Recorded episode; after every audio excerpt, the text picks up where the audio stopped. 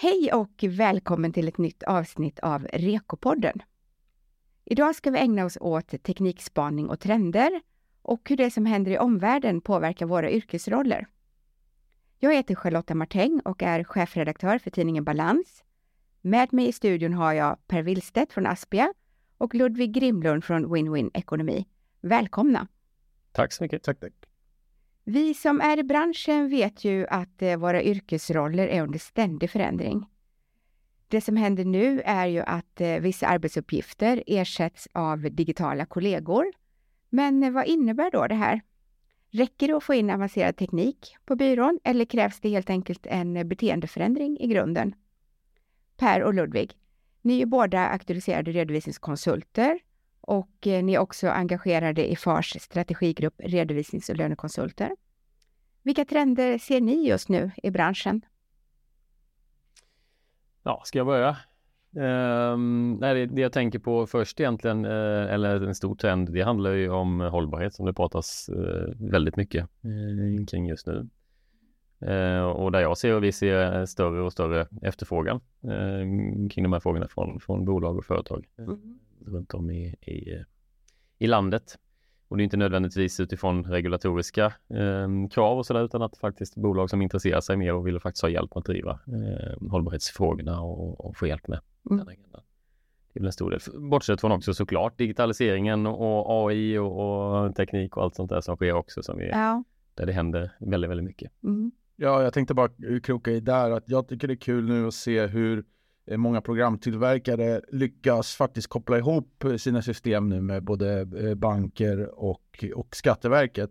Mm. Så att man får nytta av de här öppna api som faktiskt har funnits öppna i några år. Men det är först nu som det verkligen går att, att jacka i. Och eftersom det är sån fin data som kommer ur de systemen så går det också att göra inte bara en digitalisering av det utan en automation av det och, och, och regelstyrd bokföring och sådär. Så det tycker jag vill börja ta fart på allvar och då är det ju verkligen manuella moment som slutar göras och det finns en regelstyrd, alltså det är väldigt tryggt så att säga att göra det för att det är väldigt fin data där i bakgrunden. Mm, mm. Jag håller med. Spännande. Eh, du nämnde AI här. Mm. Vad säger ni om AI-assistenter, eller om vi ska kalla dem digitala kollegor?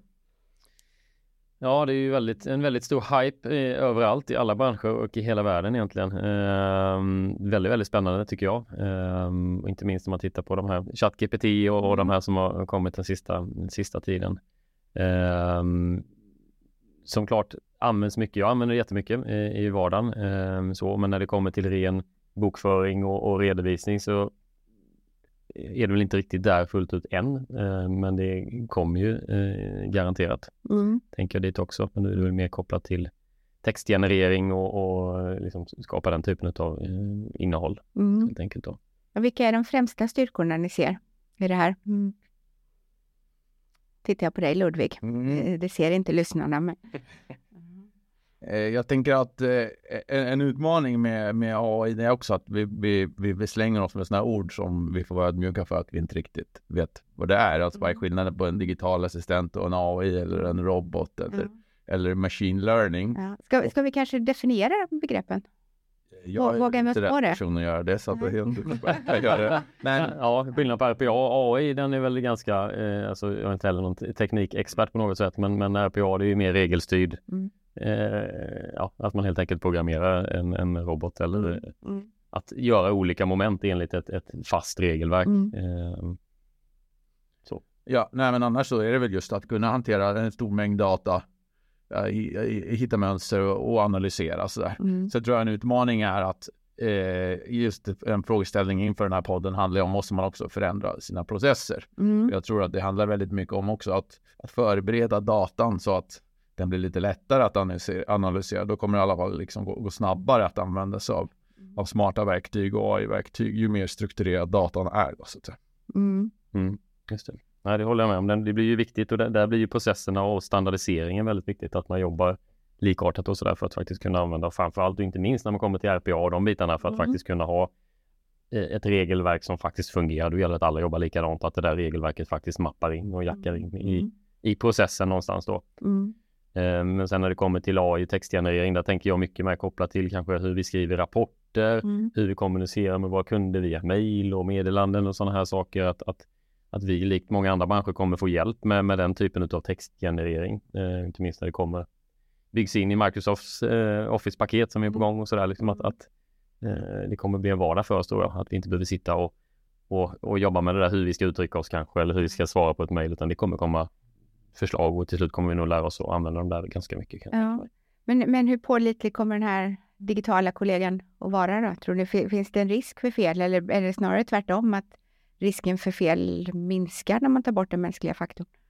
Jag tänker så här att, att man ska akta sig för att prata om kan vi lita eller kan man inte lita mm. på, på den digitala kollegan eller är svaren rätt eller är de fel? Utan att det handlar om att man, precis som om man får in en ny kollega på jobbet så måste man eh, träna och, och, utveckla och förbättra och förfina det tillsammans. Så att man varken litar blint på den digitala kollegan eller ger upp på den så fort man så att säga ser någonting som inte stämmer överens med verkligheten. Utan då handlar det om att kanske stå emot sin vilja att rätta till det och, och, och göra det manuellt. Men istället fundera över vad var det som gjorde att det här faktiskt gick snett och hur tolkade den fel och varför? Och så försöker man komma till botten med det och, och lösa det liksom lite mer grundligt. Men är vi inne på det här att det också krävs en beteendeförändring på, på arbetsplatsen? Ja, men det tror jag och det, och det gör, gör du, har du egentligen alltid gjort när det kommer nya verktyg eller nya system man ska lära sig så där, då ställer det krav på dig som, som användare att anamma det där och, och jobba kanske enligt nya processer och och anamma de här verktygen. Så det tror jag ändå att det kommer ställa ett visst krav på oss att, att nyttja det på rätt sätt och inte ge upp och faktiskt lära oss och intressera oss för verktygen så att vi kan använda dem på ett, mm. på ett bra sätt. Sen tror jag man ska komma ihåg att det är, det är olika saker, liksom vad, vad är rätt eller fel? För det, det, det är en sak om vi ska hålla oss till liksom, okej, okay, vad, är för, vad är faktan här och, och, vilka Ja, det är ju en sak där det än så länge kan vara liksom viss, viss utmaning kanske med det där, men när det kommer till ja, men skapa ett svar på ett mejl exempelvis eller skapa en text till en hemsida eller, eller så här, där kanske det inte riktigt är samma fråga om rätt eller fel utan det är snarare okej okay, vilken känsla vill jag förmedla och, och, och vad innehåller texten så att det blir liksom mer en, eh, ja, ett annat sätt att se det tänker jag. Mm, mm. Innan vi drog igång här när vi förpratade lite grann så var vi inne på det här med källkritik.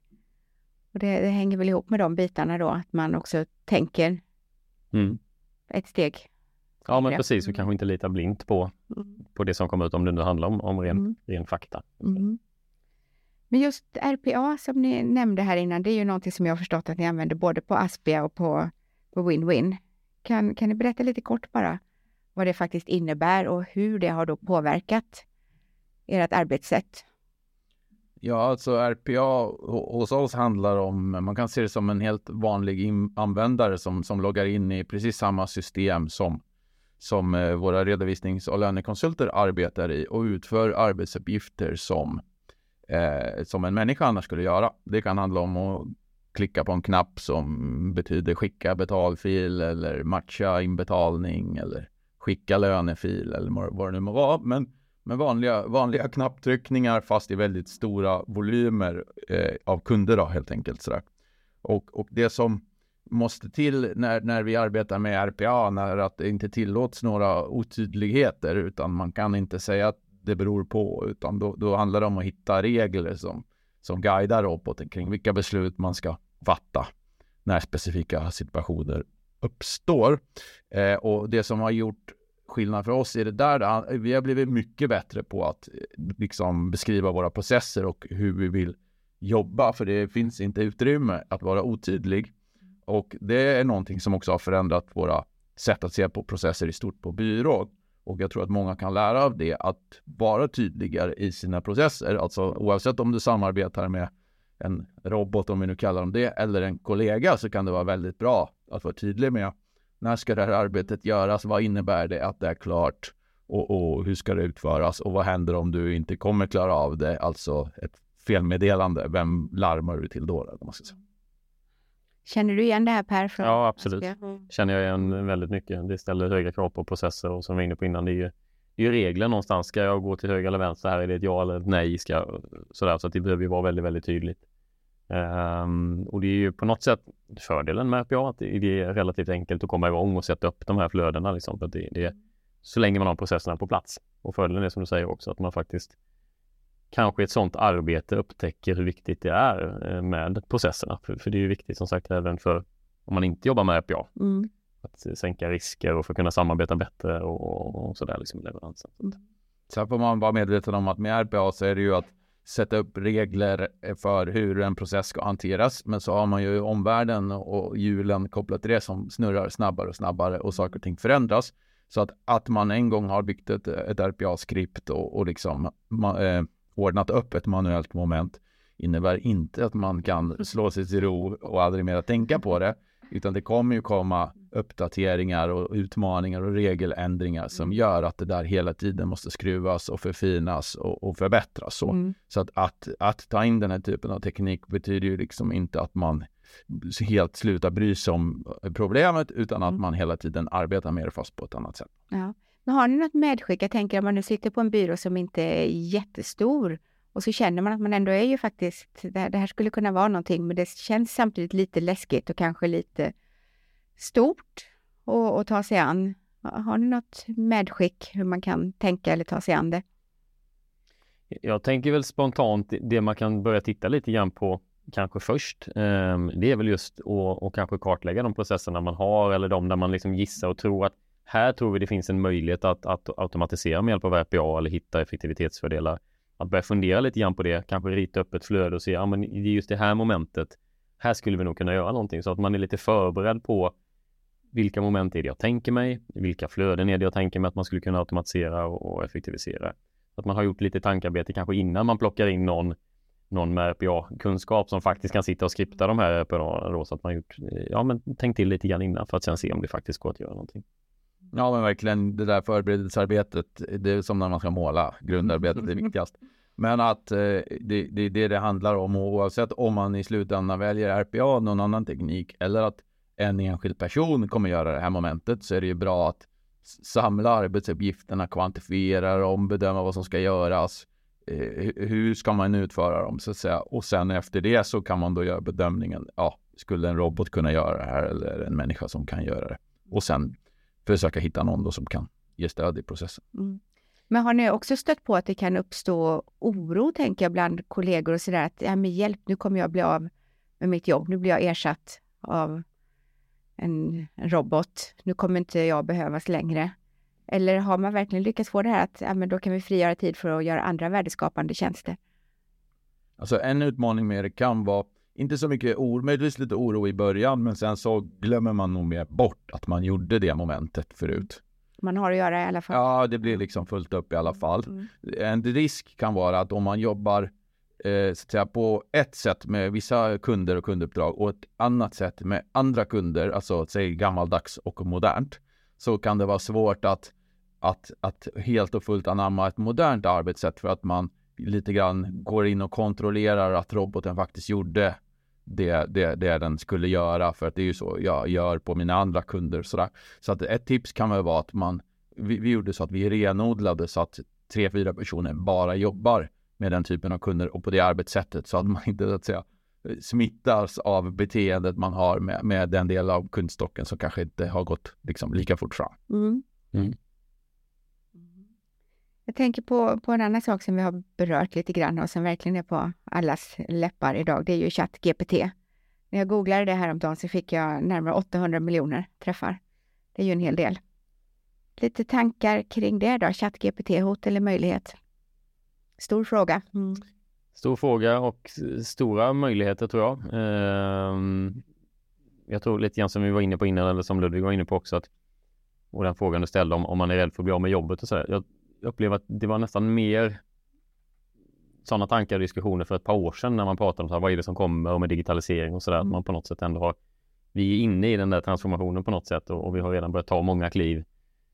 Och vi ser att ja, men det, det finns alltid jobb och det, det, finns en plats för oss även om vi inte gör exakt samma saker. Vi, det, vissa moment försvinner men då lägger vi mer tid på annat mm. istället. Mm. Jag ser det som en jätte, jättemöjlighet och, och som sagt i dagsläget handlar det väl mycket om, om jag använder det jättemycket eh, i, i vardagen liksom och skapa texter och skapa innehåll och, och sådär. Eh, och kommer det sen till nästa steg där vi faktiskt kan liksom använda det till att analysera data, om det finns liksom öppna modeller för det, precis som ChatGPT. Det kommer till dataanalys så kommer det nog vara en jätte, jättestyrka eh, och kunna koppla ihop redovisningen med det där och få tips på utifrån vilken bransch du är och hur siffrorna ser ut, vilken ort du befinner dig.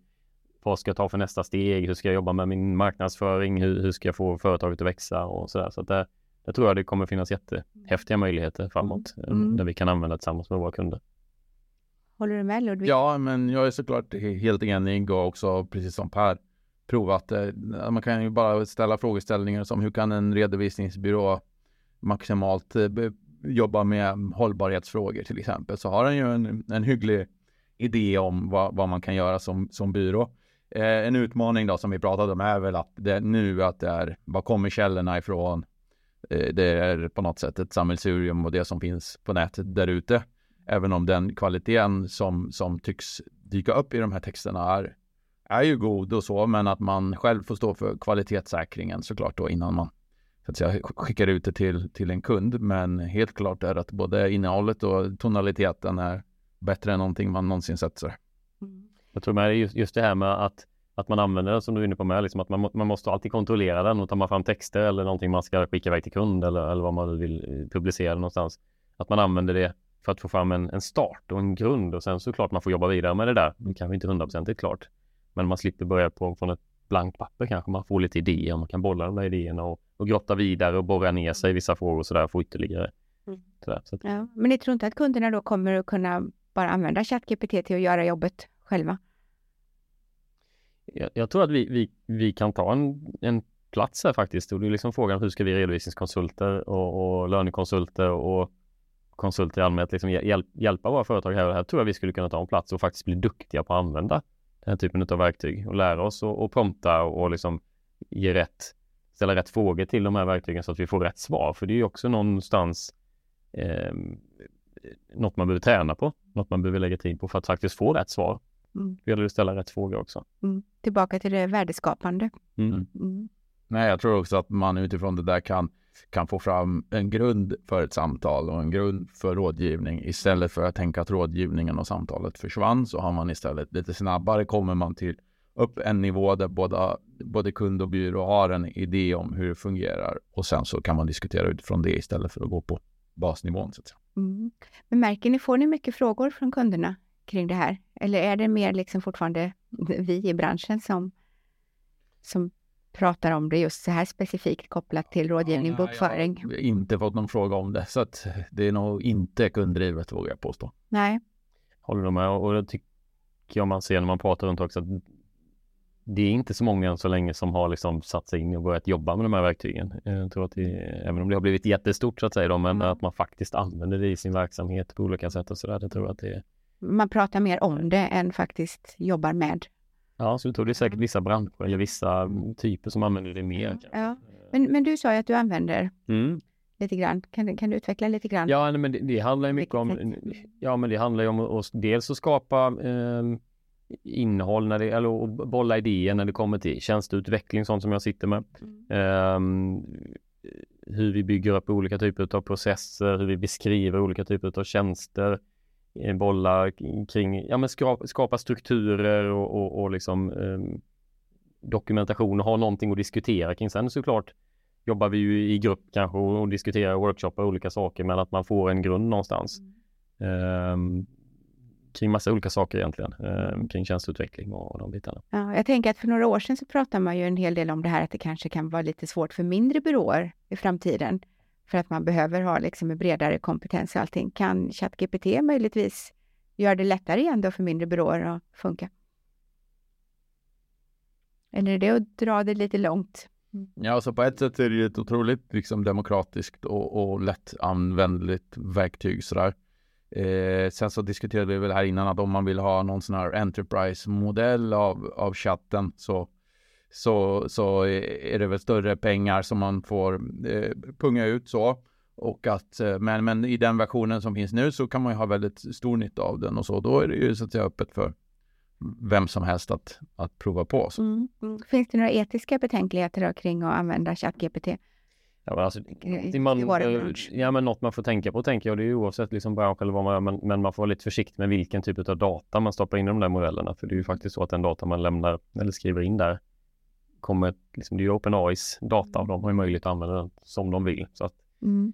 affärshemligheter och, och liksom, eh, där får man ju tänka sig för. Ja. Där vet man inte riktigt var den datan hamnar. Hur den kommer man undviker att använda sitt företagsnamn till exempel. Ja, men precis. Man, man precis, kanske håller det lite mer generellt. Mm. Där så såg jag bara ett inslag igår, jag tror det var på Rapport, om Googles vd i Sverige va? och han nämnde väl att jag menar, en vanlig fråga som man googlar och kanske i förlängningen skriver i en sån här chatt är hur mycket, vilken dos av en specifik medicin ska jag ge till min treåring? Ja. Och då är det klart att då kommer det ju med ett ansvar för mm. eh, de som ligger bakom eh, AI, vad, vad, vad det blir för svar. Och såklart också ett ansvar på den som söker informationen att eh, ja, kolla vilken källa det här kommer mm. ifrån och om det är tillförlitliga uppgifter. Så det är också, mm. ja, det är viktiga grejer som de ju såklart nu också pratar mycket om hur det ska regleras. Det känns, känns som där behöver man ju vara väldigt försiktig. Just när det kommer till fakta behöver man nog vara ganska försiktig i dagsläget. Men handlar det om att skapa texter och annat som man, där mm. man kan, det är någon, blir någonting annat. Mm. Där tycker jag den ger mest värde just nu, men, men det andra kommer nog säkert såklart fortsätta utveckla. Det kommer säkert bli jättebra. Ja, nej, och jag tänker just med, med fakta och så, så är det ju alltid bra att vara källkritisk. Mm. Oavsett i, i alla lägen. Mm. Eh, ja, det räcker ju att googla som vanligt så får du ju in eh, väldigt många svar. Liksom, så att det... Ja, men precis. N någonting annat ni känner att ni vill få fram kring ChatGPT just? Testa och lek. Mm. Så häng med liksom. Det, prova det är och se farligt att våga prova. Nej men precis. Jag tror att det, det, är bra att hänga med lite grann och se. Men det handlar ju mycket om att, att, våga testa och leka för att lära sig när man får få ut någonting bra eller när det inte är så värdeskapande och sådär. Mm. Så att, eh. mm. Om vi hoppar lite vidare här inom digitaliseringen. Ja.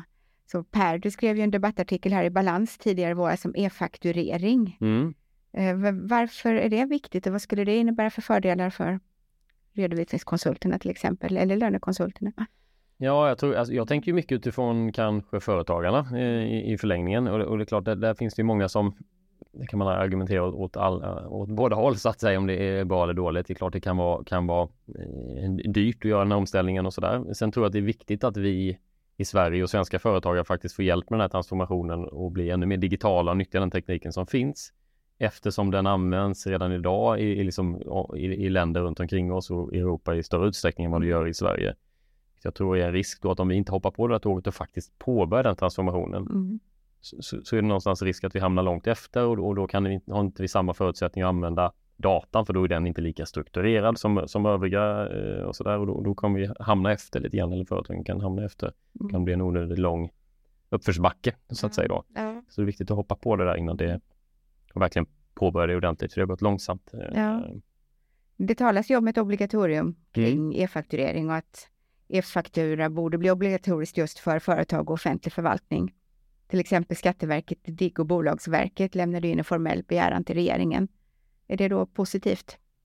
Ja, det är väl 100% positivt vågar jag påstå. Och, och sådär, jag menar nu finns det eh, leverantörer där ute som tar upp till 2000 kronor för att sätta upp en e-fakturaförbindelse till varje enskild kund, vilket blir liksom provocerande för den som vill öka automationsgraden i verksamheten. Så, där. så jag tycker det vore en, en väldigt bra och viktig grej.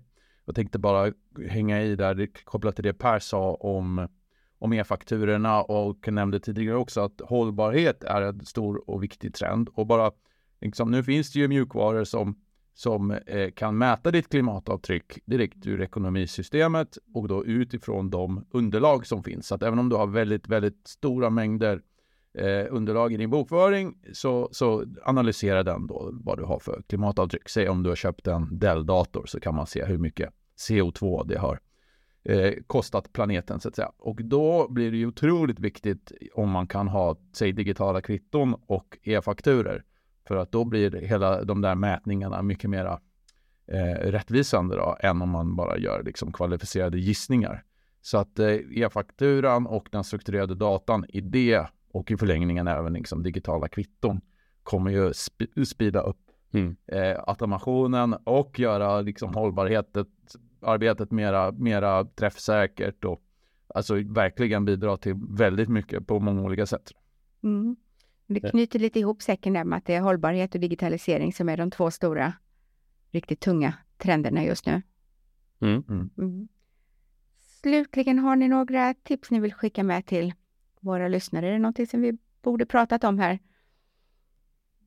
Eh, jag, jag, tänker väl bara att man kopplar till eh, digitaliseringen och automationen och så att man vågar se på sitt eget arbete med, med nyktra ögon och då, då menar jag att man vågar se att man gör saker oavsett vilken roll eller position man innehar som, som faktiskt är relativt enkla. De är säkert lite tråkiga och tidsödande och eh, bara funderar över att de borde väl gå att göra på något annat sätt. Och om man är ett antal människor som har samma typ av uppgift så brukar den där typen av arbetsuppgifter gå att samla och faktiskt göra på ett annat sätt. Så att steg ett är på något sätt att man erkänner att det finns sådana moment. Och sen efter det så kan man börja försöka dokumentera momenten och processerna och fundera över hur de kan lösas. Men det, det börjar liksom med eh, erkänna för sig själv att man faktiskt gör sådana här arbetsuppgifter som inte är så meningsfulla.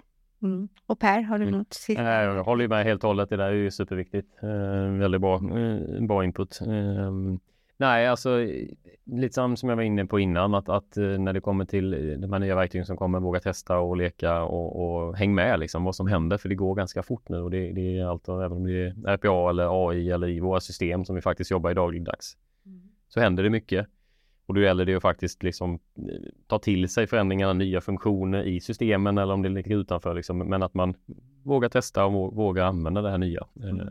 För det kommer hjälpa till att effektivisera och det kommer skapa värde till våra kunder i slutändan också. Mm. Ja, och man gör sig själv en väldigt stor otjänst tror jag om man så att säga håller emot eller hoppas att det här kommer ta lite längre tid än, än, än vad de säger sådär. Utan våga som Per säger och, och, och, prova och hjälp till att, att göra det så bra som möjligt istället för att tveka och, och tvivla och, och hålla fast i, i, gamla arbetssätt. Och inte minst för, för våra kunder, tänker jag, för företagen. För även om jag tycker att det är lite jobbigt, ja, men jag, jag, ja, men jag, jag håller ut, jag, jag kör på som jag alltid har gjort. Mm. Det funkar nog ett tag till. I slutändan så drabbar det ju kunderna då som på något sätt hamnar efter och får en ineffektiv hantering och sådär. Så att vi behöver ju alla hjälpas åt för att driva företagandet framåt också. Mm. Eh, och stötta företagarna i Sverige. Så våga testa för kundens skull helt enkelt. Mm. Perfekt. Stort tack. Det får avsluta dagens podd. Tack Per och Ludvig för att ni var med här idag. Tack så Och eh, stort tack till alla er som har lyssnat.